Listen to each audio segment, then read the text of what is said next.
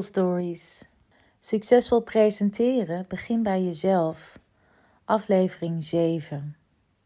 Een heel groot onderdeel van jezelf leren kennen en uiteindelijk jezelf presenteren en dan vervolgens jezelf profileren gaat erover of jij jezelf zou scharen als een leider of een volger. En natuurlijk is het niet zo rechtlijnig of zwart-wit, want er zijn natuurlijk allerlei variaties. In de basis van nature beweeg jij op een bepaalde manier. En dat kan dus zijn als een natuurlijke leider of als een volger. En als je dat voor jezelf hebt vastgesteld, dan leidt de vorm van hoe jij jezelf gaat presenteren uiteindelijk ook vanzelf. Zo ben ik van nature een leider. Dat houdt automatisch in dat ik een idee heb, wat ik dan uiteindelijk zelf ga vormgeven, mijn creativiteit erop loslaat en dan dat in de wereld wil presenteren. Daar krijg ik dan vervolgens respons op en dat maakt dat ik weer ga reflecteren en dat ik uiteindelijk weer dingen beter begrijp van mezelf, maar ook van de wereld om me heen.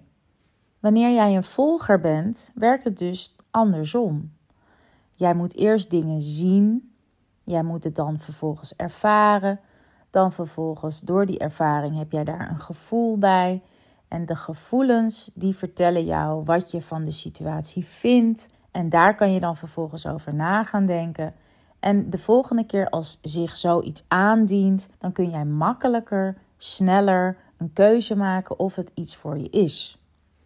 Bij de leider ben je dus een creator, een leider. Je creëert dingen en mensen volgen jou en daaruit volgt misschien weer iets nieuws. Wanneer jij een volger bent, is het dus andersom en ben jij aan het kijken, aan het observeren, Daarvan ga je iets leren en dan ga je het vervolgens ook doen. Misschien klinkt dit als zo klaar als een klontje voor jou, maar ik kan me ook heel goed voorstellen dat je er niet eerder over na hebt gedacht of jij een leider of een volger bent. En dat jij je dus in iets probeert te vormen, iets probeert te zijn wat je eigenlijk helemaal niet bent. En dat je jezelf daarmee aan het afstraffen bent. Ja, maar ik zou toch eigenlijk ook gewoon. En dan misschien wel, ik zou toch eigenlijk ook gewoon iets moeten creëren, iets moeten neerzetten. Terwijl als het van nature gewoon zo is dat jij een volger bent, is jouw weg gewoon een andere weg. Maar uiteindelijk kom jij er ook. Het een is niet beter dan het andere.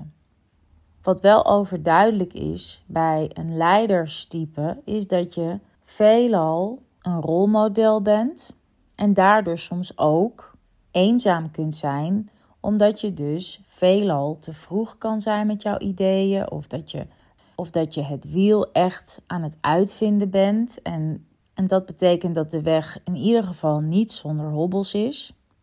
Terwijl als dat jij een volger bent, kan het heel goed zijn dat jij op een geplaveide weg je begeeft en het dus misschien wat later ontstaat, maar dat het uiteindelijk wel makkelijker voor je gaat als je eenmaal in beweging bent. Nogmaals gezegd, het een is dus niet beter dan het ander. Het is gewoon een andere weg, een andere vorm. Wie heeft wie nodig? De leider kan niet zonder volgers, anders ben je geen leider. En een volger kan niet zonder een leider, anders kun je niet volgen. Ik vind het een hele mooie uitspraak of slogan van van het Financieel Dagblad. Wie volgt, die leidt. En dan is leiden natuurlijk met de korte ei.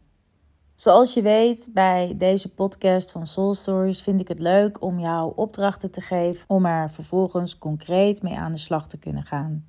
In deze reeks gaat het natuurlijk over jezelf succesvol presenteren. En we zitten nog steeds in deel 1, jezelf.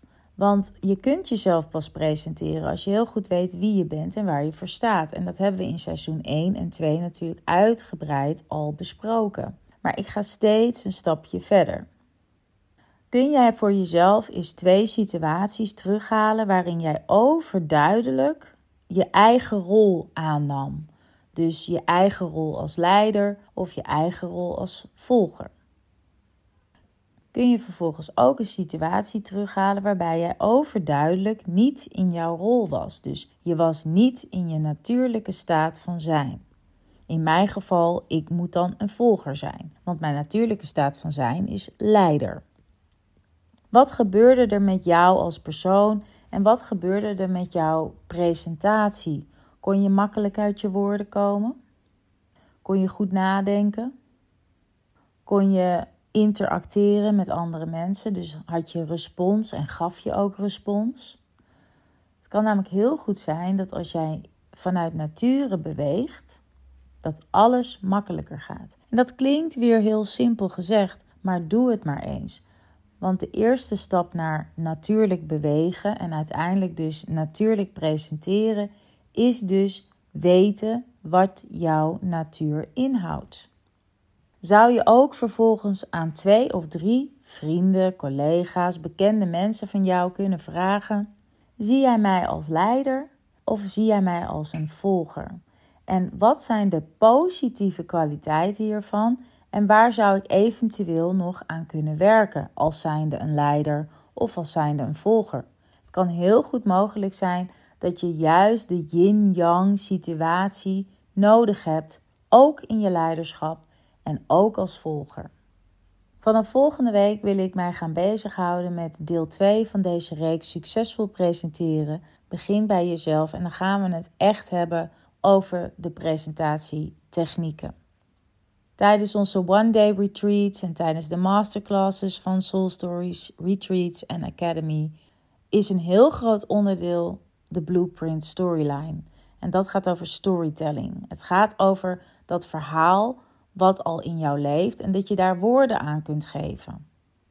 En die woorden die ontstaan vanuit jezelf. En daarom is de fundering van Soul Stories en van jouw eigen soul story, jouw zielsmissie, levensmissie, ben jij zelf. Dus ook of jij een volger of een leider bent, of jij van binnen naar buiten beweegt, of jij weet wat jou drijft, wat jouw belemmerende overtuigingen zijn, waar jij warm voor loopt, wat jouw passie is, waar jouw talenten liggen. Alles is zo ontzettend belangrijk dat jij dat om kunt zetten naar woorden, zodat je die kunt meenemen in jouw presentatievaardigheden. Vanaf volgende week deel 2 van deze reeks Succesvol presenteren. Begin bij jezelf.